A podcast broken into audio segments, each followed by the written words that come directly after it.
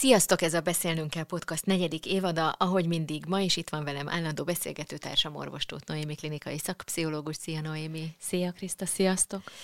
Szerkesztőnk Vilákovics Radojka nevében is köszöntünk benneteket a VMN stúdiójából.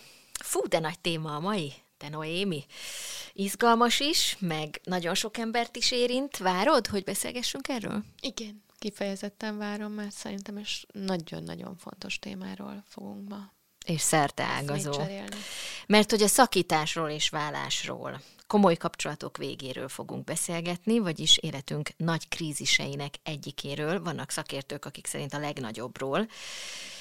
Legyünk a történetben érintettek felnőttként, vagy akár gyerekként. És hogyha nem bánod, nem bánjátok, akkor én ezt az adást egy némi személyes információval indítanám. Az elmúlt években talán nem véletlenül, éppen ebben az életkorban, ugye az életem felénél, az életem közepénél vagyok, egy komoly önismereti, önvizsgálati folyamaton mentem keresztül.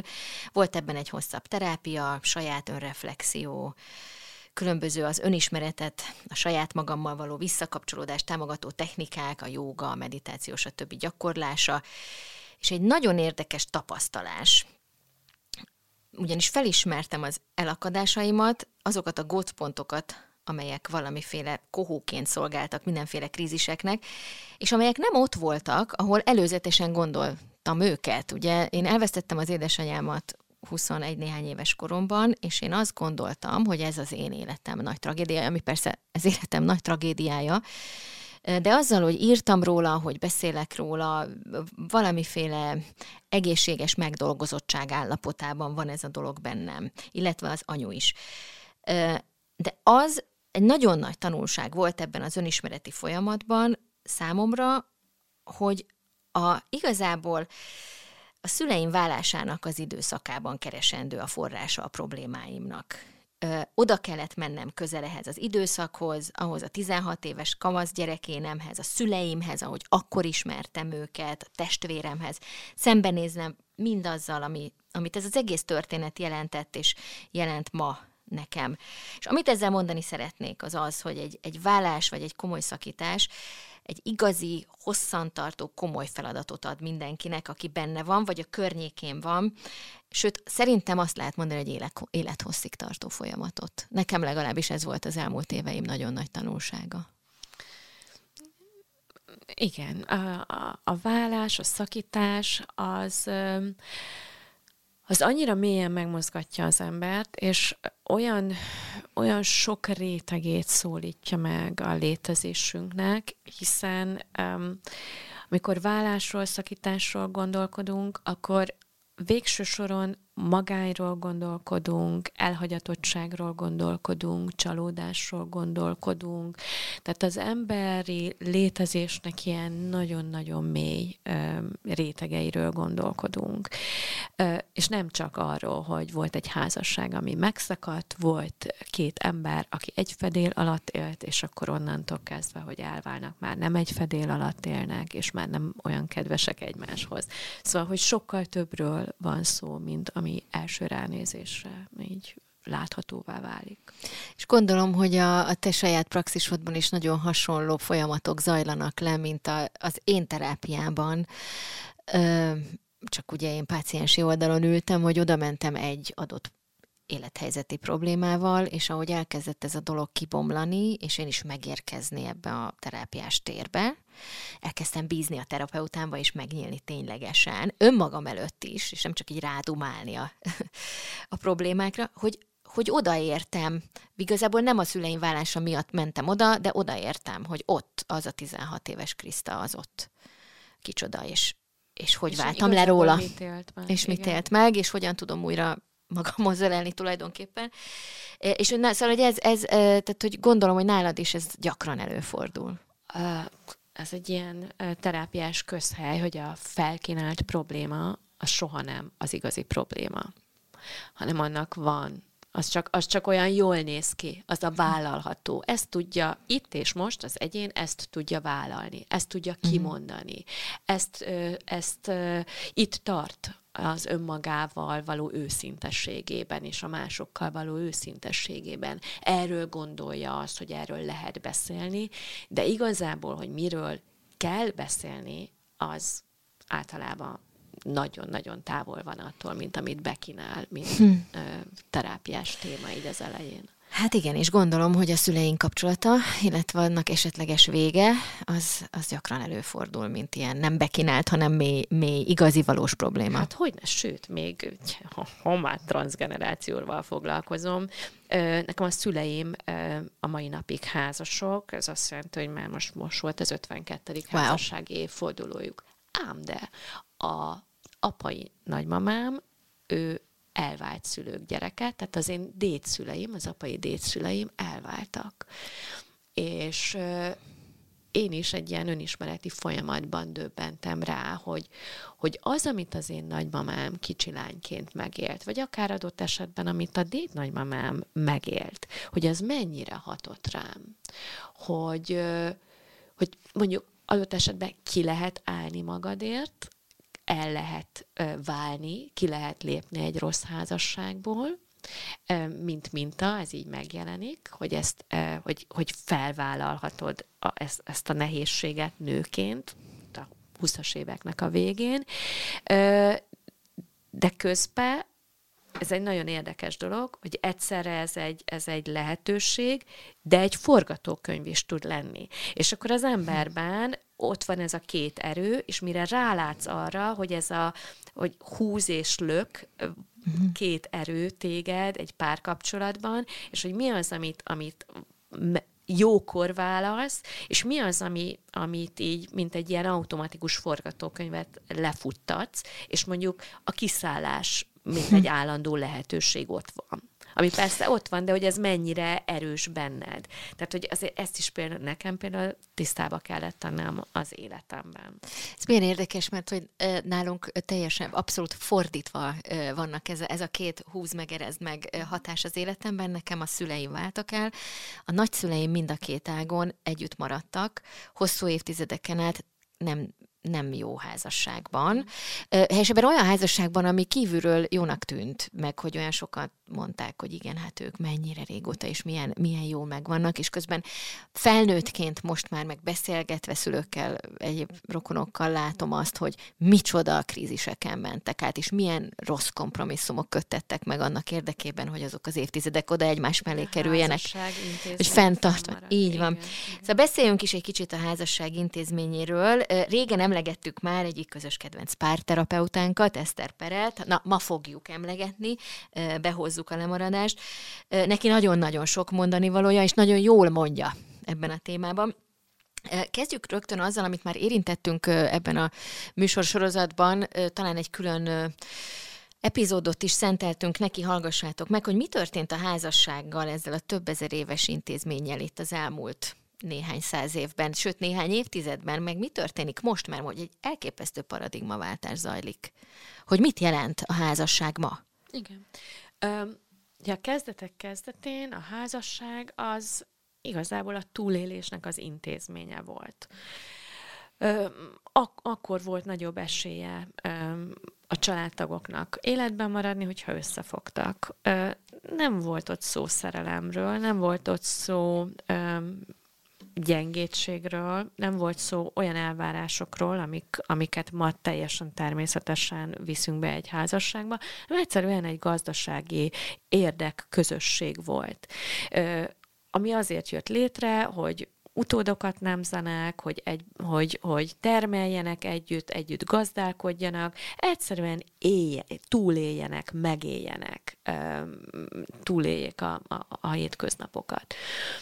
És idővel ahogy, ahogy haladunk előre, egyre több és több elvárás kapcsolódott a házasság intézményéhez, és egészen a mai napig ezek így gyarapodnak, gyarapodnak, és most már ott tartunk, hogy a legkevésbé gondolkodunk úgy a házasságról, mint egy gazdasági közösségről, és leginkább érzelmi és önkifejező és önkiteljesítő közösségről közösségként tekintünk a, a házasságra. És ez a változás, ez, ez alapvető, mert közben nagyon komoly változások történtek, például ha másban nem, csak azt nézzük, hogy mondjuk az életkilátásban, az, az élethozban, hogy med, meddig élünk, egyáltalán, és meddig élünk ebben a közösségben. Régen viszonylag könnyű volt ö, örök hűséget fogadni, mert a, az örök élet az pont 10-15-20 évig tartott, míg ma hogyha megszületik egy gyermek, nagy eséllyel 80-90 évig is fog élni, és hogyha ő házasságot köt mondjuk 25-30 évesen, akkor ezt így ki lehet számolni, hogy az bizony akár az ötszöröse lehet, mint amit korábban örök élet három napnak tartottak az emberek. Szóval, hogy jelentősen megnövekedett mondjuk a várható élettartam, és közben drasztikusan átalakult az, hogy mit is gondolunk a házasság intézményéről, és, ami a legnagyobb problémát jelenti, hogy közben pedig az egyénnek az önismerete és a társ ismerete az egyáltalán nem fejlődött akkorát, amek, amilyen mértékű átalak, átalakulást mondjuk látunk a házasság intézménye esetében. Hm. Tehát, hogy elvárások lettek, tudás nem lehet, hogy ezt hogy kell ezeket az elvárásokat elérni, teljesíteni, kölcsönösen kielégíteni egymásnak a, az ilyen irányú szükségleteit. Hát vagy alapvetően nem elvárni, nem? Tehát, hogy, hát, de hogy ez mennyire, az mennyire igen, baj, hogy ezt várjuk el egymástól, ezt a mindent várunk el, mert szinte tényleg ilyen isteni minőséget aggatunk a másikra, hogyha csak a szóhasználatra gondolunk, az igazi, az egy, az egyetlen. Tehát, hogy tényleg már, már egy ilyen, tényleg egy ilyen isteni magasságba rángatjuk föl egymást. Hát és nagyon akkor... beszűkült a fókusz, hogy kitől várunk el. Hát, hogy régen az emberek azért egyrészt nem vártak el annyi mindent másoktól, másrészt sok mindenkitől várták el. Más volt a, nem tudom én, a barátja, más volt a, a, a, a most régen a férfiak nem várták el, vagy akár a nők is, el se várhatták, még hogyha belül meg is fogalmazódott mondjuk a, a kielégítő szexuális élet, azt igazából nem nagyon merték vállalni sem maguk előtt, sem mondjuk a párkapcsolatban, a nyilvánosság előtt, meg pláne nem. Most így az egy világ legtermészetesebb dolga, hogy a párunkkal szeretnénk kielőgítő szexuális életet élni, és elvárunk tőle egy, egy ö, hűséget is, egy, egy érzelmi és fizikai szexuális hűséget is. Tehát, hogy a legtöbb párkapcsolat azért most már így működik, míg régen évszázados gyakorlat volt, hogy a, a, a férfiaknak megengedte a társadalom, hogy például a szexuális kielégülést azt ne a, a, otthon keressék, a kalandokat, meg, a, meg a, azokat a pesdítő élményeket, hanem eljártak bordéházakba, és, és ott élték ki azokat a bűnös vágyakat, most itt nagyon idézőjelbe téve, amit ma a világ legtermészetesebb dolgaként gondolunk megvalósulni mondjuk a, a a, a hálószobába a párunkkal. Hát és nem csak a szex, hanem az érzelmek terén is elképesztően magas a mérce, hiszen ha belegondolsz, akkor tényleg olyan, olyan fajta teljes 360 fokos megélést és, és érzelmi kielégülést várunk egymástól, amit annak idején egy falutól vártunk el. Ma azt egy embertől vár, vár ugyanazokat az élményeket, ugyanazokat az érzelmi megéléseket. De ez minden Tehát, tekintetben így van. Múltkor igen. hallgattam egy előadást, ahol például arról volt szó, hogy, hogy a szülőknek milyen nehéz feladatuk van manapság, mert hogy egyszerre kell annyi minden funkciót ellátniuk a gyerek életében, míg régen például a kereszt szülőség az azért jött létre, hogy mondjuk a, a szülő volt, aki fegyelmezett, és a keresztülő volt, akihez el lehetett menni, és mondjuk megértést talált a gyerek, kipanaszkodhatta magát, nem tudom én, és, és mondjuk ő ö, egészen más formában, de mondjuk a szülőnek ö, közvetítette a gyerek felé ö, az értékrendjét. Tehát, hogy, hogy nem csak a szülővel konfrontálódott adott esetben a gyerek, hanem elment a keresztülőhöz, ott kapott egy kis ölelgetést, de aztán utána mégiscsak megmondták neki, hogy hát, na, azért hallgass Mondjuk azt nem baj, hogy otthon is kap ölelgetést az a gyerek, Persze, manapság. De, de hogy, hogy meg, osztódott az, hogy, hogy, mm. hogy ki mindenkire Feladatok, lehetett igen. számítani, és ez például egy nagyon érdekes dolog, hogy ugyanez van most, hogy, hogy most mindent egy embertől szeretnénk megkapni, és nem csak, hogy mindent, hanem, hogy új igények jelentek meg. Tehát az, hogy például önmagunkra, mint fejlődő lényekre gondolunk, hogy tudjuk azt, hogy a személyiségünk az fejlődik, egyre többet szeretnénk magunktól, egyre inkább szeretnénk önmagunkat megismerni, és ezt az önismereti utat nem csak magányosan szeretnénk bejárni, hanem azt szeretnénk látni, hogy a párunk erre nyitott, reflektál a mi fejlődésünkre, miközben ő is járja a maga fejlődési útját.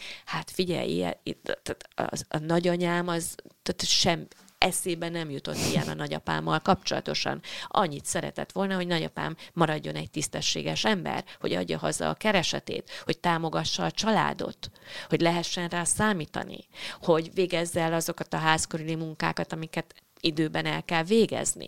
De az, hogy például az ő személyiség fejlődését nagyapám valamilyen módon segítsen, na hát ez nem Ilyen úri huncutságok, azok Igen. nem fértek bele. És ezzel együtt azért ugye ebben a podcast sorozatban sokat beszélgetünk arról, hogy milyen fontos az önismereti munka, meg a személyiségfejlődés, az önreflexió. Tehát, hogy el is várjuk, vagy várjuk, szeretnénk azt, hogy minél többen kezdjünk el magunkkal foglalkozni, járjuk ezt az önismereti utat, de közben úgy ugyanez az út mennyire megnehezíti, ugye az alapján, amit mondasz tényleg, az, hogy a társas együttlét, a párkapcsolati együttléteinket, hiszen ha az az alapvetés, hogy mindenki elkezdi az önismereti utat járni, és a személyiség fejlődésére is koncentrálni, akkor a, ezt valahogy tényleg össze kéne hozni egymással, tehát ezeket az utakat valahogy össze kéne fésülni annak érdekében, hogy együtt is tudjunk közösen is fejlődni, tehát hogy legyen egy ilyen párkapcsolati ön, önismereti fejlődés, ez, ez már tényleg olyan mennyiségű meló, hogy, hogy nem csoda, hogy mit. késő kezdjük el, tudod? Hát, Tehát, hogy az a helyzet, hogy ezt uh, óvodáskortól Ja, már hogy az önismeretet, nem a párkapcsolatot. Nem a párkapcsolatot. Jó, oké. Okay. Hát, igen, igen óvodáskorban házasodjunk, és akkor lesz idő majd mindenre. Nem, Jó, nem, szóval... hogy, a, hogy az önismeretet, az emberismeretet, az ilyen, fú, nagyon mm, komolyan hangzik, de közben szerintem teljesen egyszerű, tehát ez a hogy működöm én, hogy működik a másik ember, hogy működnek a közösségek, ez, ez egy olyan tudás, amit, amit pici korban el kellene kezdeni oktatni.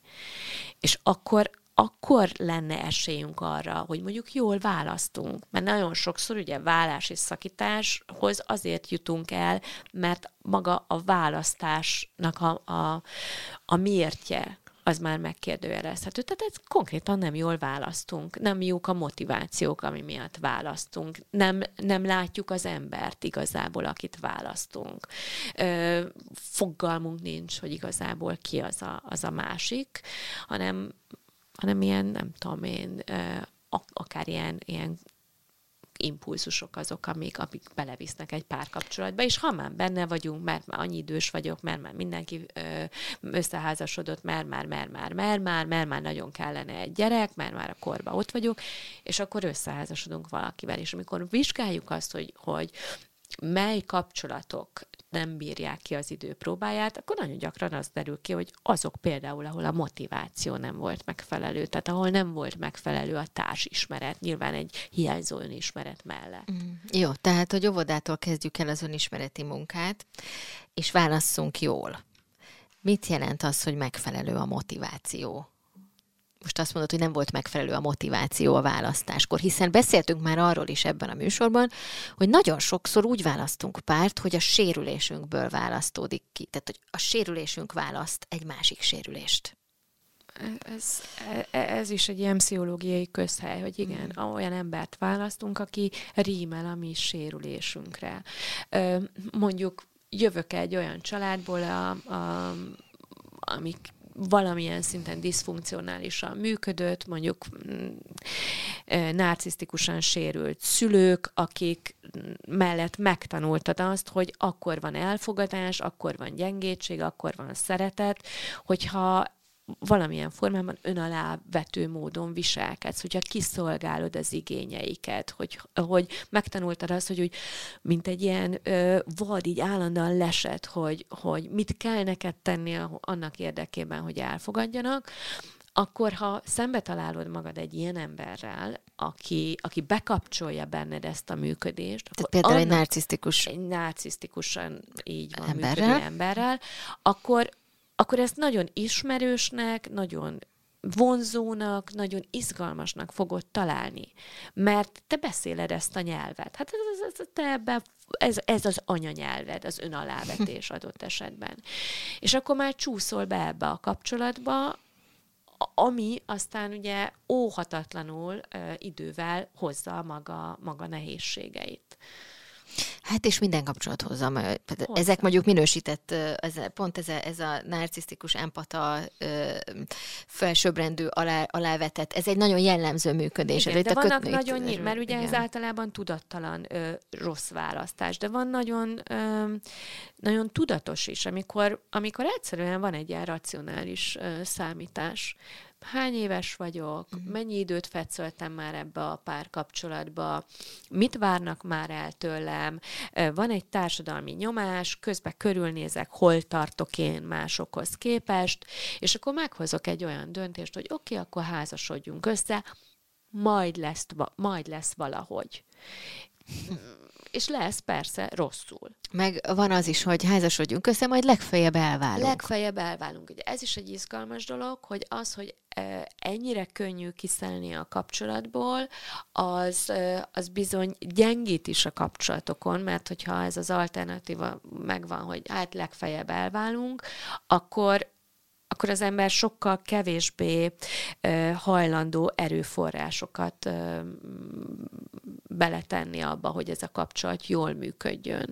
Tehát ez, ez például nagyon izgalmas, hogy azokban az országokban, és most mondjuk beszélünk skandináv országokról, ahol nagyon nagy értéke van a, az egyénnek, az egyén boldogságának, az egyén boldogulásának, ott például azt látjuk így az elmúlt években, évtizedekben, hogy nagyon meggyengült a házasság intézménye, ahol már mondjuk gazdasági nyomás sincs a fele, feleken, hogy együtt maradjanak, nagyon könnyen kiugranak az emberek, és ezt így jónak is tartjuk, hát nem maradjunk rossz házasságban, nyilvánvalóan. Ne szenvedjen senki egy párkapcsolatban, az otthona senkinek ne egy, egy olyan hely legyen, ahol nem szeret lenni, ahol nem tud önmaga lenni. Vagy ahol bántják. A, sőt, még több, ahol bántják. Ám de ezzel párhuzamosan ugye megjelenik az, hogy elmagányosodnak az emberek. Tehát, hogy például most Svédországban az látszik, hogy, hogy egyre többen szenvednek attól, hogy egyedül vannak. Nem akarok rossz párkapcsolatban maradni, és akkor ott vagyok egyedül. Tehát, hogy hogy nagyon izgalmasan alakul ö, át a társadalom, nagyon izgalmasan alakul át a, az, ahogy, ahogy a párkapcsolatokról, a házasságokról gondolkodunk, és megoldásaink, jó megoldásaink, mindenkire érvényes megoldásaink még nincsenek. Hát ezen Tehát, dolgozunk most, igen. Van, ahogy megjelenik például annak a lehetőség, hogy kiszállni a rosszból, de mellette ott van az, hogy, hogy mit értékelek rossznak, hogy nagyon gyakran már adott esetben azt is rossznak értékelem, ami megjavítható lenne. De mivel már a stigma már nem feltétlen azokon van, akik válnak, hanem azokon, akik rossz házasságban maradnak, vagy rossz párkapcsolatban maradnak. Ezért aztán e, megváltozik az, hogy mit, mit mhm. ítélek én rossznak.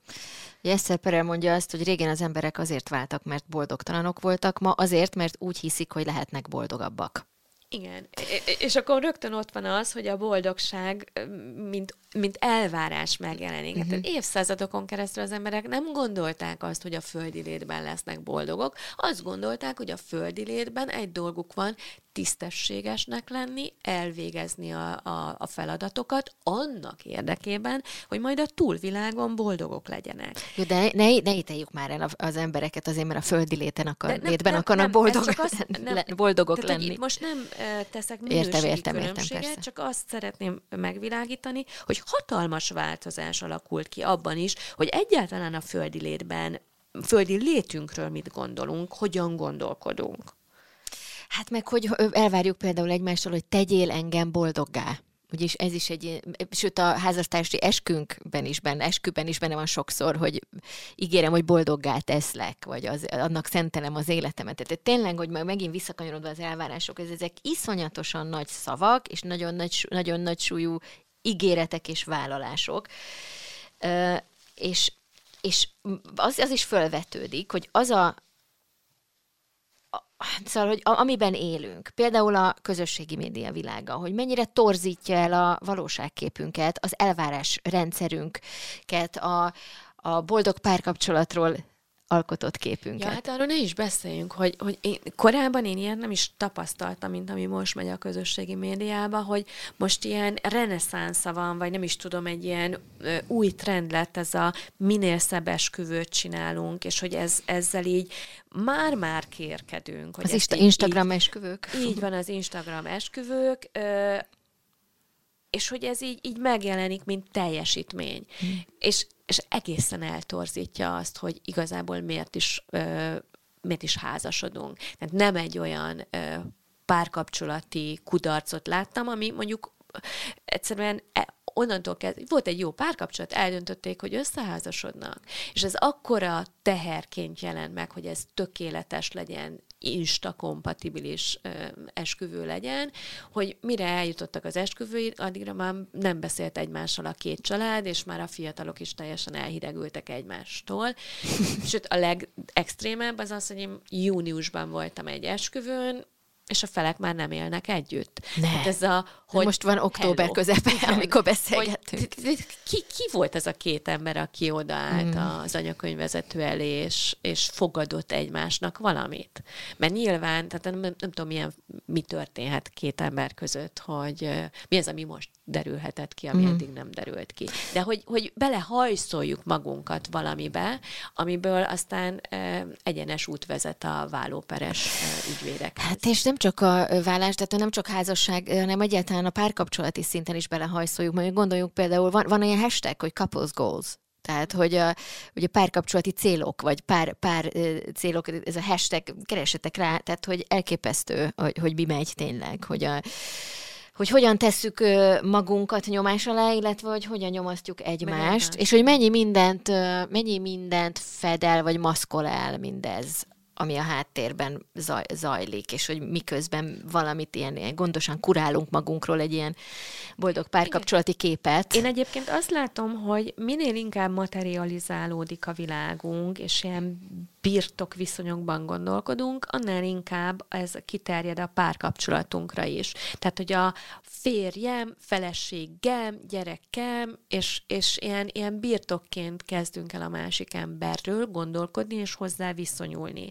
És ott a birtokomtól azt várom el, hogy ilyen kiszolgáljon engem, kiszolgálja az igényeimet. És ha már ugye vállásról beszélünk, amikor így gondolkodom valakiről, akkor nyilván a vállás, a, a szakítás is egy ilyen nagyon, nagyon nehéz ö, időszakká válik az életemben, mert mert nem látom a másikat, nem egy közös ö, ö, idézőjelbe tett teljesítményként gondolok arra, amik most köztünk megtörténik, mondjuk a vállás, hanem elkezdem a másikat okolni. Ő nem elégítette ki az én szükségleteimet, ő akar engem elhagyni, és, és akkor ilyen, ilyen extra düh, extra elégedetlenség, extra bosszúvágy adódik még hozzá az amúgy is nehéz vállási, szakítási folyamathoz.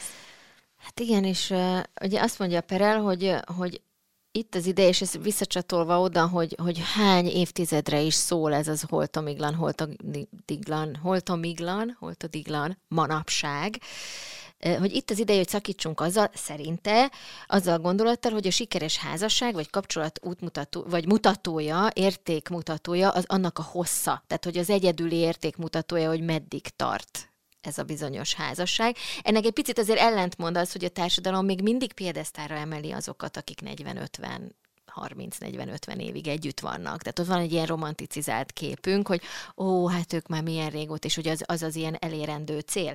Szóval, hogy, hogy nagyon sok erőkar hat ránk. Hát. Vállás közben is. Pontosan így van, hogy a végén már elvész az ember ezekben a, ezekben a hatásokban, mert tényleg, hogy el kéne dönteni, hogy mit tekintünk értéknek. Hogyha azt mondjuk, hogy jaj, de jó, hogy Zsuzsika néni meg Pista bácsi együtt maradt, nem tudom én, 60 éven keresztül, tegyük fel a kérdést, hogyan? Hogy nekik ez milyen volt? Ez egy nagyon nehéz házasság volt, sok-sok lemondással, sose felejtem el azt az idős nént, aki azt mondta, a, meghalt a, a férje, és akkor utána azt mondta, hogy egyet kérek, nehogy egy sírba temessetek vele. Ezt kérte a gyerekeitől, nem tudom én, 60 valahány év házasság után. Na most ebbe így lehet érezni, hogy leélt egy egész életet, nincs másik élete, ezt kellett leélni ezzel az emberrel, és hogy, hogy amikor már ott vagy a végén, és már csak ennyi szabadságot akarsz, hogy legalább ne abba a sírba kelljen nekem örök időkig nyugodni, mint amiben ő fekszik. Tehát egy ennyit adjatok már meg nekem, akkor azért erősen megkérdőjeleződik, hogy értéknek tekinthető egy ilyen több évtizedes házasság.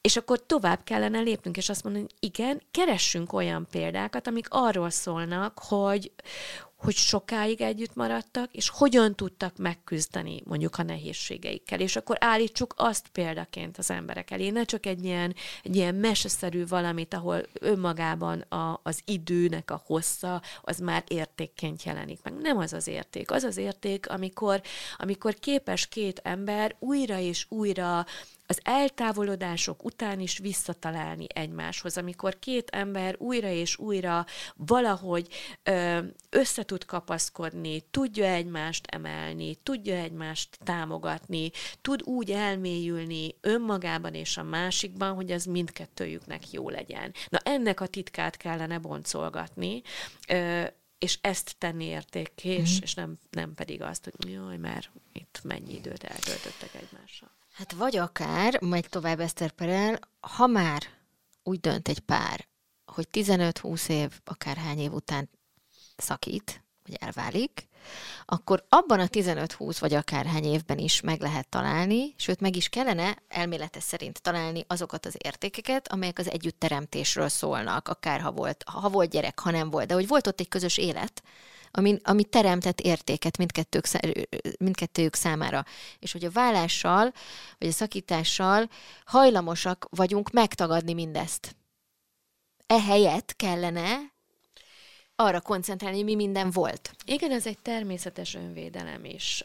Aki menni akar, ő is megtagadja, mert egyébként nagyon ritkán van az, hogy úgy akarsz menni, hogy már minden, tehát hogy már, már borsozik a hátad a hmm. másiktól, tehát hogy már semmi értéket nem találsz benne, de ahhoz, hogy menni tudj, ahhoz bizony jó időre a fókuszba a rosszat kell tenni, hogy tudj menni és aztán van, aki benne marad ebbe, hogy, hogy mindig csak a rosszat látja. Ahhoz, hogy valakit el tudj engedni, ahhoz pedig ugye ebben a, a megbántottságban, sértettségben kell sokáig lenned, hogy, hogy ezt egyáltalán el tud viselni. Mert hogyha behoznád azt, hogy de egyébként nem tudom én ebben a, abban a tekintetben mennyire értékes volt a másik, akkor sokkal nehezebb lenne mondjuk a gyász folyamaton végigmenni. Tehát, hogy ebben van egy, van egy ilyen természetes önvédelem mind a két fél részéről.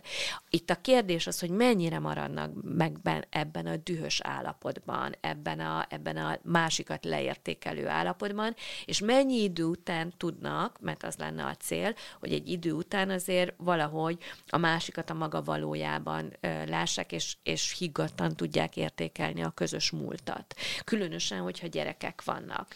Ö, az sem ö, szerencsés, ugye, hogyha megmaradnak sokáig a dühös állapotban, és nyilván az sem oké, hogyha ha, ö, ezt a dühöt ki akarják hagyni a feldolgozási folyamatból, és akkor mi rögtön legyünk barátok, nem lehetünk rögtön barátok, amikor éppen egy, egy vállási, szakítási folyamatban vagyunk, hanem ott, ott bizony végig kell menni azokon a stádiumokon, amik aztán majd elvezetnek ahhoz, hogy már, már van egy, egy, egy jól működő, de már kellő távolságot tartó kapcsolat közöttünk annak érdekében például, hogy a közös gyerekeket jól tudjuk majd együtt szülőként támogatni az útjukon. Hát ez egy gyász, amiről beszélsz, egy gyász folyamat. Ja, egyértelműen ez egy gyász folyamat. Tehát, hogy, ahogy így a stádiumokat mondod, visszhangzik a gyászról szóló adásunk. Igen, és hogy mi, és milyen érdekes, hogy mi, különböző lépéseket, ugye persze minden, tehát hogy ha norm, ha, ha, ha idézőjelbe tett normálisan tudunk elválni, és mondjuk nem egy bántalmazó kapcsolatból lépünk ki, amit egy minősített eset, és, és külön is kell kezelni, Igen. erről is beszéltünk már egy másik adásunkban. De tehát amikor, amikor két felnőtt ember megállapodik abban, hogy külön folytatják az életüket, hogy azt ott mind a kettejüknek el kell gyászolni, annak is, aki menni akar, és annak is, aki marad, vagy akitől mennek.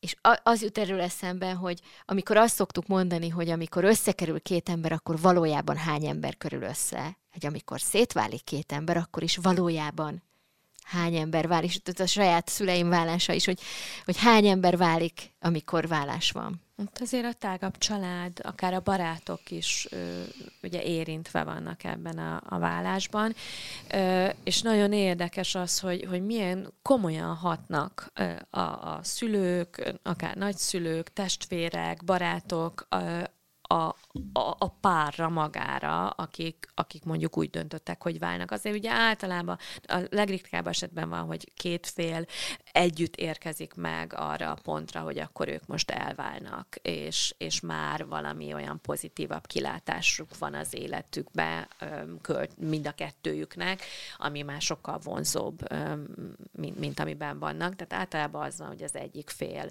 Beleszeret valakibe mondjuk. Hát mondjuk beleszeret valakibe, vagy egyszerűen elege van abból mm. az életből, amit, amit együtt élnek, mert, mert elfárad benne. A múltkor olvastam erről egy, hogy igazából mi is vezet ahhoz, hogy, hogy emberek elváljanak, és ugye nagyon sokszor ezt szoktuk mondani, igen, mert beleszeret. Aha, az a bizonyos megjelent, harmadik. Igen. Megjelent a, a harmadik. A harmadik megjelenése az már ilyen nagyon sokára történik, addigra már nagyon sok minden megtörténik a két ember között.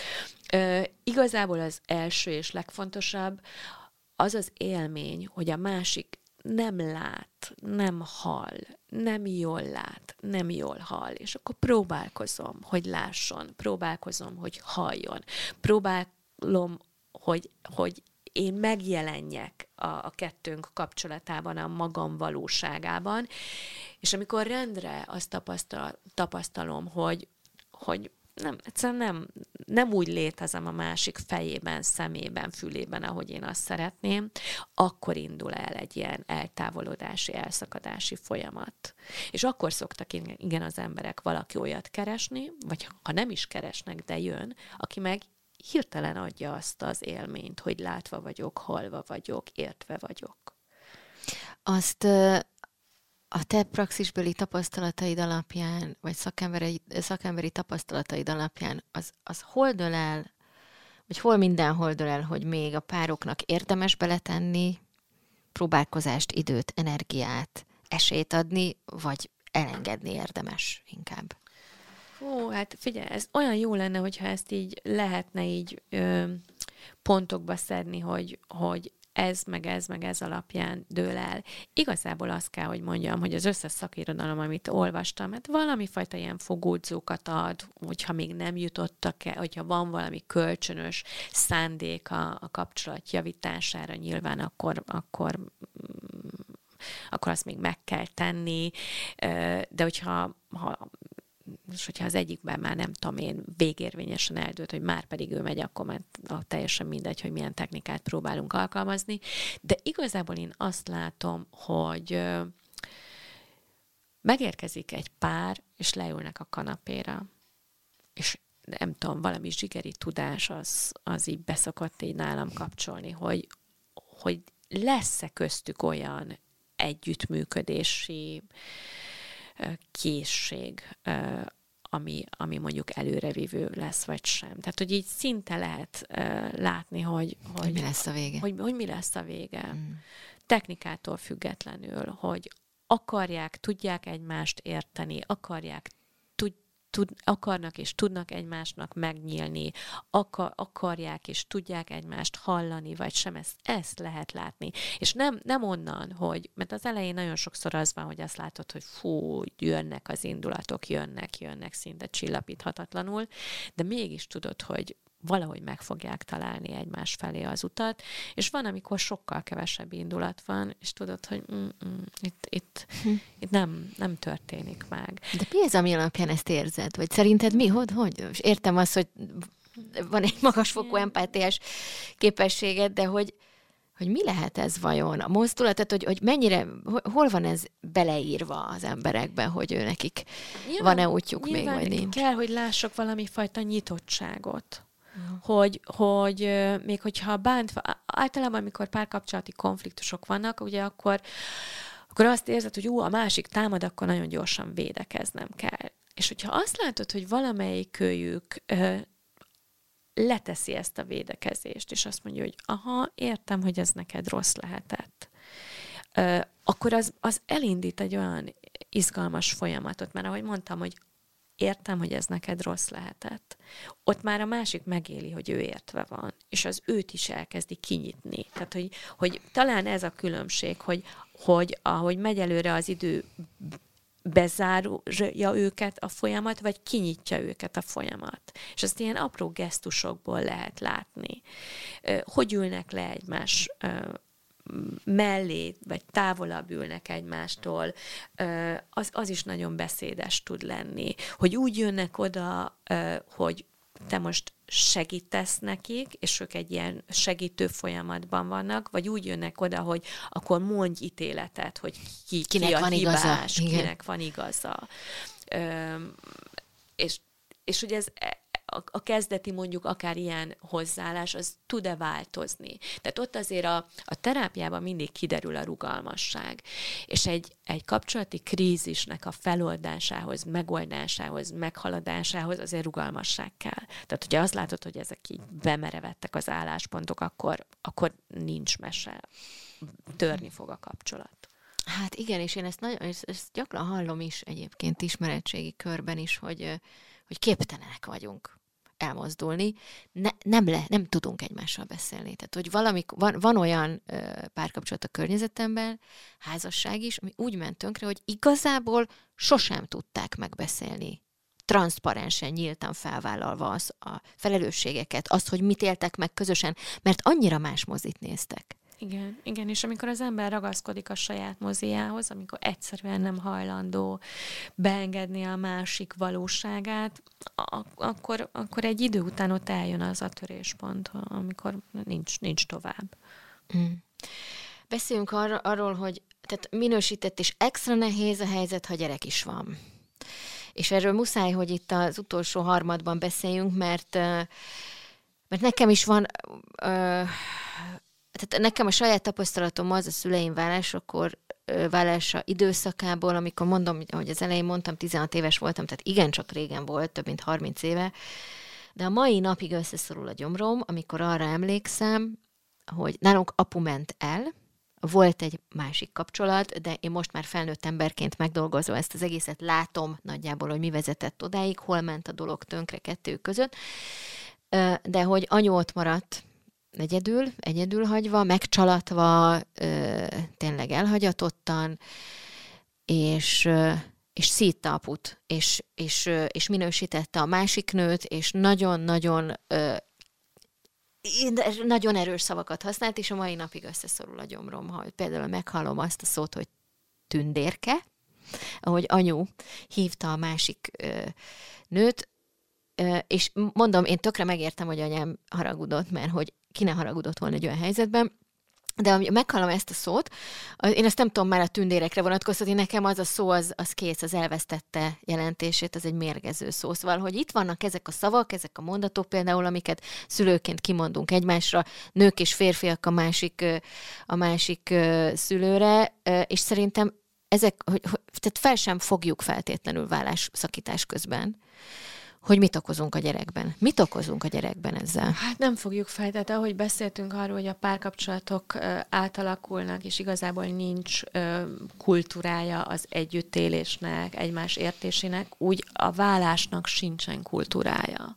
Nálunk különösen nincsen, hiszen folyamatosan az van, hogy a, a család az család, szent család, és egyszerűen nem illik bele a képbe a vállás, ezért aztán miközben a valóság, a nagy, nagy magyar valóság is az, hogy több, mint a, a fele a házasságoknak vállással végződik, és nagyon sokszor ugye házasság sem kötődik, tehát hogy nagyon törékenyek lettek a párkapcsolatok, de nem tudjuk ezt jól menedzselni. Tehát, hogy egyszerűen um, hihetetlen indulatok terhelik meg a vállási szakítási folyamatot, amiben sajnos a gyerekeket ö, hol tudatosan, hol pedig tudattalanul belevisszük.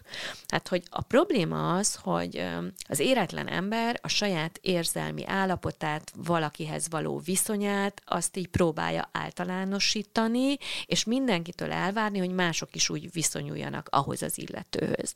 Na most az, hogy én elvárom a férjemtől, hogy utálja az én, nem tudom én, agresszív főnökömet, az még oké. Okay rendben van. De az, hogyha én éppen a férjemtől válok, vagy ő válik tőlem, és én elvárom a gyerekemtől, hogy hogy ő ugyanazt élje meg, amit én, azt a dühöt, azt a csalódottságot, azt a, azt a kilátástalanságot, azt a elhagyatottságot, azt az elhagyatottságot, az már nem oké. Okay.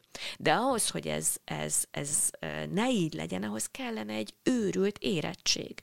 De és akkor ez megint egy nagyon fontos, hogy még egy érett ember is egy krízisben azért lejjebb csúszik a személyiség fejlődési ö, szintjén, és előjönnek belőle ezek a nagyon infantilis, nagyon gyermeki reakciómódok. Itt nagyon fontos lenne, hogy a környezet az egy picit így megrázza, vagy felrázza, vagy éppen kapjon olyan segítséget terápiában, ahol rávilágítanak arra, hogy figyelj, tehát, hogy most, most te regresszióban vagy, most te a sértettséged miatt egy ilyen, egy ilyen alacsonyabb fej, személyiségfejlettségi szinten funkcionálsz, ám de közben nagyon fontos lenne, hogy ebből valahogy kigyere és rálás arra, hogy ezzel a gyerekednek mennyit ártasz. Ö, Amerikában már egyre többet beszélnek a szülői elidegenítési szindrómáról, ami nagy viták tárgyát képezi miközben látjuk, hogy ez rendszeresen megtörténik. Tehát amikor azt mondja anya, hogy, hogy hogy apától válunk, vagy apa válik tőlünk. Apa itt hagyott minket. Apa itt hagyott minket. Tehát amikor egy gyereked bemossa a ugye arról beszélünk, hogy egy család ez egy rendszer, amiben vannak alrendszerek, van a szülői alrendszer, és van a gyermeki alrendszer. Amikor én szülőként azt mondom, hogy apa itt hagyott minket, akkor az azt jelenti, hogy a gyereket berakom ebbe a szülői alrendszerbe, ahol neki semmi helye nincsen. Apa meg anya mindegy, hogy kiről beszélünk most, a, amikor vállás van, akkor nem a gyerektől szakadunk el, hanem a párunktól, a házastársunktól, attól az embertől, akivel valamikor egy szerelmi kapcsolatban voltunk, és ez a szerelmi kapcsolat elmúlt, lehet, hogy csak a részünkről, de teljesen mindegy, ki akarunk lépni ebből a, ebből a kapcsolatból, ebből a felnőtt kapcsolatból. De nem a szülői szerepünkből akarunk kilépni, nem a gyerekünket hagyjuk el, nem a családot, ugye ez is nagyon gyakran hangzik, hogy elhagytad a családunkat.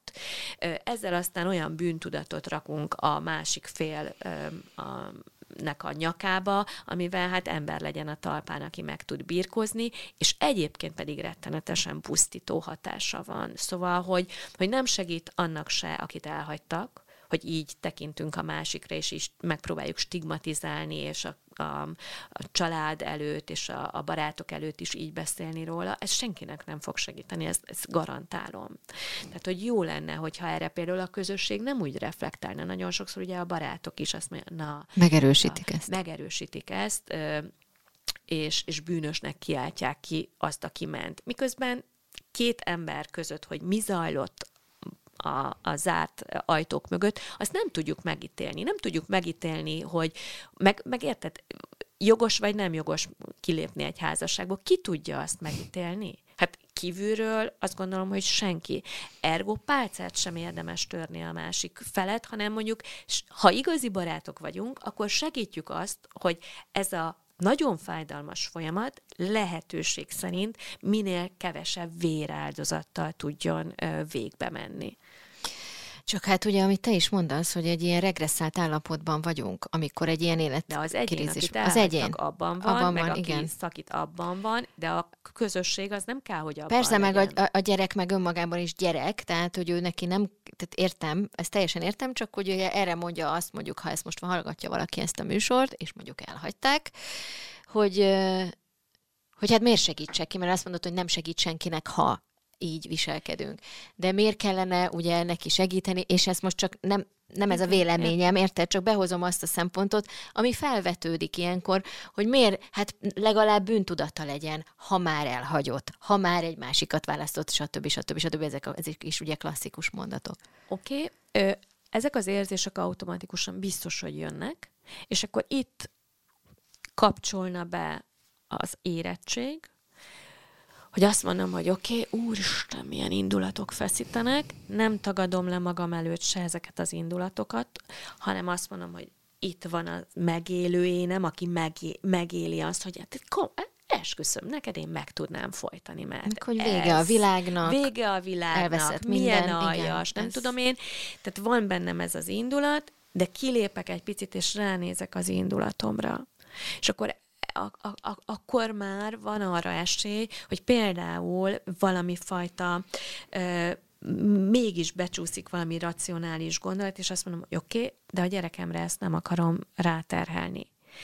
Nagyon könnyű egyébként a gyereket behúzni egy ilyen vállási, szakítási játszmába nagyon-nagyon pláne a kicsiket. Könnyű, pláne a kicsiket, akik ugye még nem tudják magukat védeni, nem tudja azt mondani. Egy kamasz már azt mondja, hogy figyelj, ez a ti bulitok. Hát meg, meg van nekem egy... ne mond, ne, Igen. ne szidd az anyámat, ne szidd az apámat, ezt meccseljétek Meg le. van egy saját tapasztalása, amit tudatosan képes a kamasz, már a kiskamasz is megélni, és azon átfuttatja hogy mindazt, amit hall. Rossz, amit Igen, mond, tehát hogy ott ő tudja árnyalni. Így van, de a kicsi nem tudja még. Ez nagyon veszélyes játék. A kicsi még nem tudja, ő teljesen áldozata annak a, a szülőnek, aki nagyon erősen tolja a maga narratíváját a gyerek felé.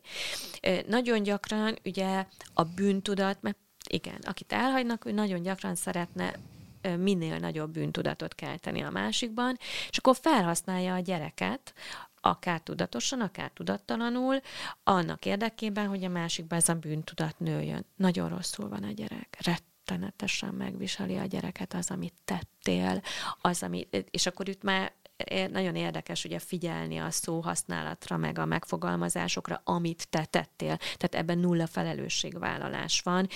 Itt teljesen ugye a másikra van hárítva a, a, a probléma okozása, és letagadja az illető azt, hogy neki is szerepe volt, már pedig volt, már ha nem vettem észre, akkor miért nem vettem észre, hogy baj van? Abban ott szerepem van, abban ott felelősségem van. Hogyha észrevettem, de magam előtt is titkoltam, rálegyintettem, nyeltem, akkor vajon miért nyeltem? Az is egy felelősség, hogy nyelek. Vajon miért nyeltem? hogyan voltam én benne ebben az egészben. És amikor az ember nem akar felelősséget vállalni, akkor, akkor akkor ugye mi van, hogyan tudja magát ebből a rossz állapotból kihozni, úgy, hogy a bűntudatot növeli a másikba, és akkor ide, itt jön be a gyerek, hogy, hogy akkor felhasználja a gyereket is annak érdekében. Mm. Hogy akár mondjuk a visszacsábítás érdekében, jaj, nagyon hiányzol a gyereknek, egész este Emlékszel, téged, amikor? Egész, egész este azt kérdezte, hogy apa, anya, mikor jön vissza, miért nincs itt, nem tudom én, és akkor ez egy ilyen nagy, nagy szívó erővel rendelkezhet. A kérdés az, hogy jó lenne, hogyha visszajön egy ilyen kvázi érzelmi zsarolásra a másik. Lehet ilyen csiki-csukit csinálni, amiből aztán azt látom, hogy elhúzódik mondjuk a folyamat, de nem szakad meg feltétlen, mm. mert láttam már olyat, amikor így megtörtént ez a visszacsábítás, és akkor nem tudom, eltelt még öt év, és a végén mégiscsak mhm. vállásra került a sor, mert mert az alapvető problémák meg nem ö, oldódtak meg. De itt megint mondom, itt nagyon izgalmas, ahogy bejön ez a birtok viszony, hogy már pedig az én férjem, feleségem, párom, és akkor, akkor azt akarom konzerválni, fenntartani, és nem nem a, a, a, ez a törekvésemnek a, a, a célja, és nem az, hogy, hogy valahogy egy működőképes kapcsolatot kialakítani a másikkal. Ha már ezt felhoztad, akkor itt én tovább gondolva egy picit, beszéljünk egy picit arról, hogy a gyerek miatt maradunk együtt. Ja, hát ez, a ez egy klasszikus, klasszikus és ezt tényleg sokan csinálják. Tehát, hogy van-e ennek valid tudományos vagy akár pszichológiai háttere, mi, mit él meg az a gyerek, aki miatt együtt maradnak a szülők? Nézd, ha a gyerek miatt maradunk együtt, és képesek vagyunk a problémáinkat rendezni, megoldani egy mélyebb ö, intimitási szintre kerülni, egy jobb kapcsolatot kialakítani, akkor azt mondom, hogy ragyogó, szuper, hogy együtt maradtatok. Lehet, hogy az elején a gyerek miatt, de nagyon beletettetek mindent, és valahogy, hogy meg újra tudtatok egymáshoz kapcsolódni, abból nyilván mindenki profitálni fog. De a, de a gyerek miatt maradunk együtt, és semmi nem változik, és igazából csak folytjuk, nyeljük a dühünket, az elégedetlenségünket, a, a, a kielégítetlen szükségleteinkből fakadó frusztrációinkat, hát az senkinek nem lesz jó, különösen nem lesz jó a gyereknek, és nem egy olyan páciensem van, aki elmondja, hogy hát együtt maradtak, bár ne tették volna van gyerek, aki felnőttként ezt mondja, hogy bár nem maradtak volna együtt a szüleim. Nagyon sokan mondják ezt, ahol, ahol rosszul működött a házasság, sőt, egy idő után ki is kérik maguknak. És azt mondják, hogy értem, Hát értem, pont azt kellett volna tennetek, hogy nem maradtok együtt. Tehát ne nyomjátok rá az én vállamra ezt a felelősséget, mert egyébként ez egy hatalmas felelősség, és hatalmas teher is a gyerek vállán. Tehát olyanokat is látok, akár kicsiket, akár már felnőttként beszámolnak arról, hogy mennyire azon dolgoztak gyerekként, hogy apa meg anya jól legyen egymással. Öleljétek meg egymást, ugye milyen jól érezzük magunkat, és nem, nem érezték jól magukat, de a gyerek érezte, hogy neki kell itt most egy, egy ilyen ragasztóként funkcionálni ebben a kapcsolatban, és ahelyett, hogy ő önmagát építette volna, semmi más nem csinált, mint hogy a kapcsolatot építette, a kapcsolatot támasztotta. És ebből lesznek majd adott esetben függőségek, diszfunkcionálisan működő működő saját párkapcsolatok és elrontott életek. Mert, mert amikor fejlődnöm kellett volna, a saját identitásomat építeni, akkor nem azt csináltam, ami egyébként időben érettségben a dolgom lett volna, hanem fogtam, szorítottam anyám, apám kezét, raktam toltam össze őket, öleltettem őket egymással, hogy, hogy csak maradjanak együtt. Hm. Van olyan, hogy sikeres vállás? És milyen a sikeres vállás? Milyen a szép vállás? Én azt gondolom, hogy van, és az lenne a célunk, hogy minél több ö, sikeres vállás legyen. Ha már vállás van itt, az is senki Igen, a siker félre, az úgy értendő. Tehát, nem arról jól beszélünk, értendő.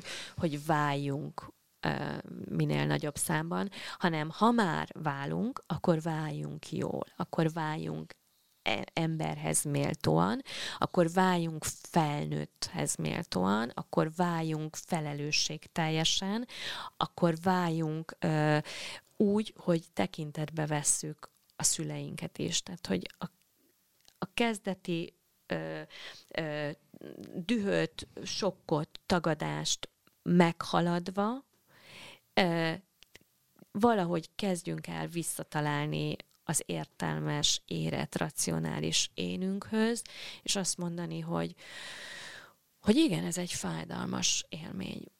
Akartam az életemben? De hogy akartam, egyáltalán nem. Fáj az, hogy itt van? Igen, nagyon fáj. De emellett megtalálom magamban azt a, azt a higgadságot, azt az érettséget, hogy, hogy hogy ne, tehát, hogy ne a, ne a vágy irányítsa, ne a fájdalom, ne a dű irányítsa a cselekedeteimet. Szerintem egyébként, hogyha az ember elkezd magán gondolkodni, mondjuk akár napi szinten, amikor egy ilyen helyzetben van, végig gondolja, hogy hogy van most, mi történik, hogyan reagált a másikra, miért úgy reagált, akkor, akkor rá fog jönni, hogy aha, itt düböl szóltam, itt a bosszúvágy e, uralkodott az én viselkedésem felett.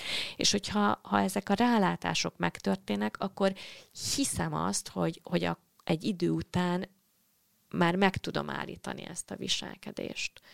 És akkor nem kezdek el szkanderozni a másikkal fölösleges dolgokon. Nyilván vannak lényegi pontok, amikben meg kell állapodni.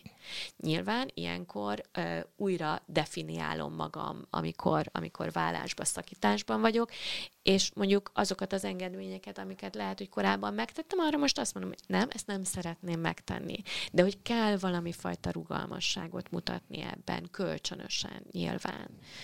Ö, és van, olyan is van, hogy a, hogy akkor vagyok kellően érett, hogyha hiába rángatna bele a másik a játszmába, nem megyek bele, lehet, hogy többet feláldozok, akár mondjuk anyagi téren. Nekem kell az elején rugalmasabbnak lenni, de én azt látom, hogy ez mindig megéri. Hogy mindig megéri a gyerek szempontjából. Tehát a gyerekek nagyon izgalmasan reagálnak egy ilyen helyzetre, mert el tudják egy idő után dönteni, hogy ki volt fair a, a szakításban. Mm. Tehát nem, nem attól dönti majd el a gyerek, hogy anya vagy apa viselkedett ferebb módon, mert mondjuk nekik, hogy én mindent megtettem. Mm-mm. Nem érdekli a gyereket a, a duma, hanem látja így a hosszabb távon a viselkedését a mhm. másiknak. Tehát nem a szavak, hanem a nem viselkedés. Nem a szavak, hanem a tettek, nem a tettek. igen, a viselkedés mm-hmm. üzeni meg a gyereknek, hogy akkor a, igazából hogy kell éretten viselkedni. És lehet, hogy az elején tényleg az ember azt mondja, hogy fene egye meg, hát elhagyott, és mégis én vagyok, aki rugalmasabb, aki simulékonyabb, aki higgadtabb, mikor pedig jönne mm. a düh, jönne az indulat, de tudom magam kontrollálni, akkor, akkor bizony a gyerek azt fogja mondani, hogy aha, látom, hogy ezt, ezt így is lehet, és ezt mm. így kell csinálni, és el fogja dönteni magába. Miközben azért a másik az, hogy ezt meg kell hagyni a gyereknek, hogy saját maga alakítsa ki egyik vagy másik szülőhöz való viszonyát. Ne én akarjam eldönteni, hogy anyádat, apádat utálni kell, mert megbántott engem, és akkor neked azt kell érezni.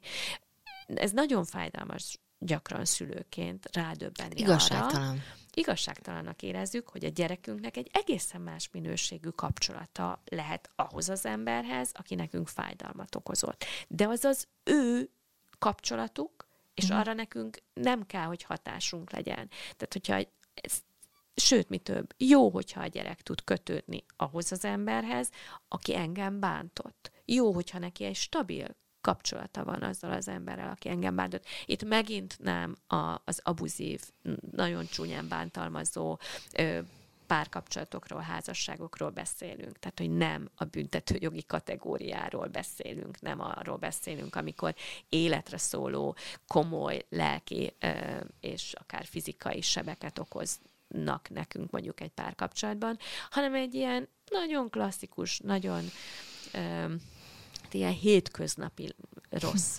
párkapcsolatokról beszélünk.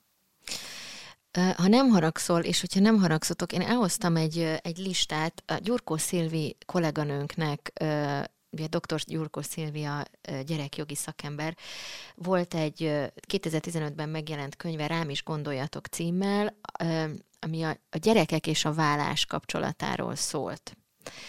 És ebben volt egy lista, amit a Szilvia VMN-en cikkben is megírt, és én ezt szeretném itt most felolvasni ha benne vagy igen, Noémi, jó? Mert szerintem nagyon, nagyon fontos, és nagyon jól Én összefoglalja. nagyon azt a könyvet, igen. és hiánypótló.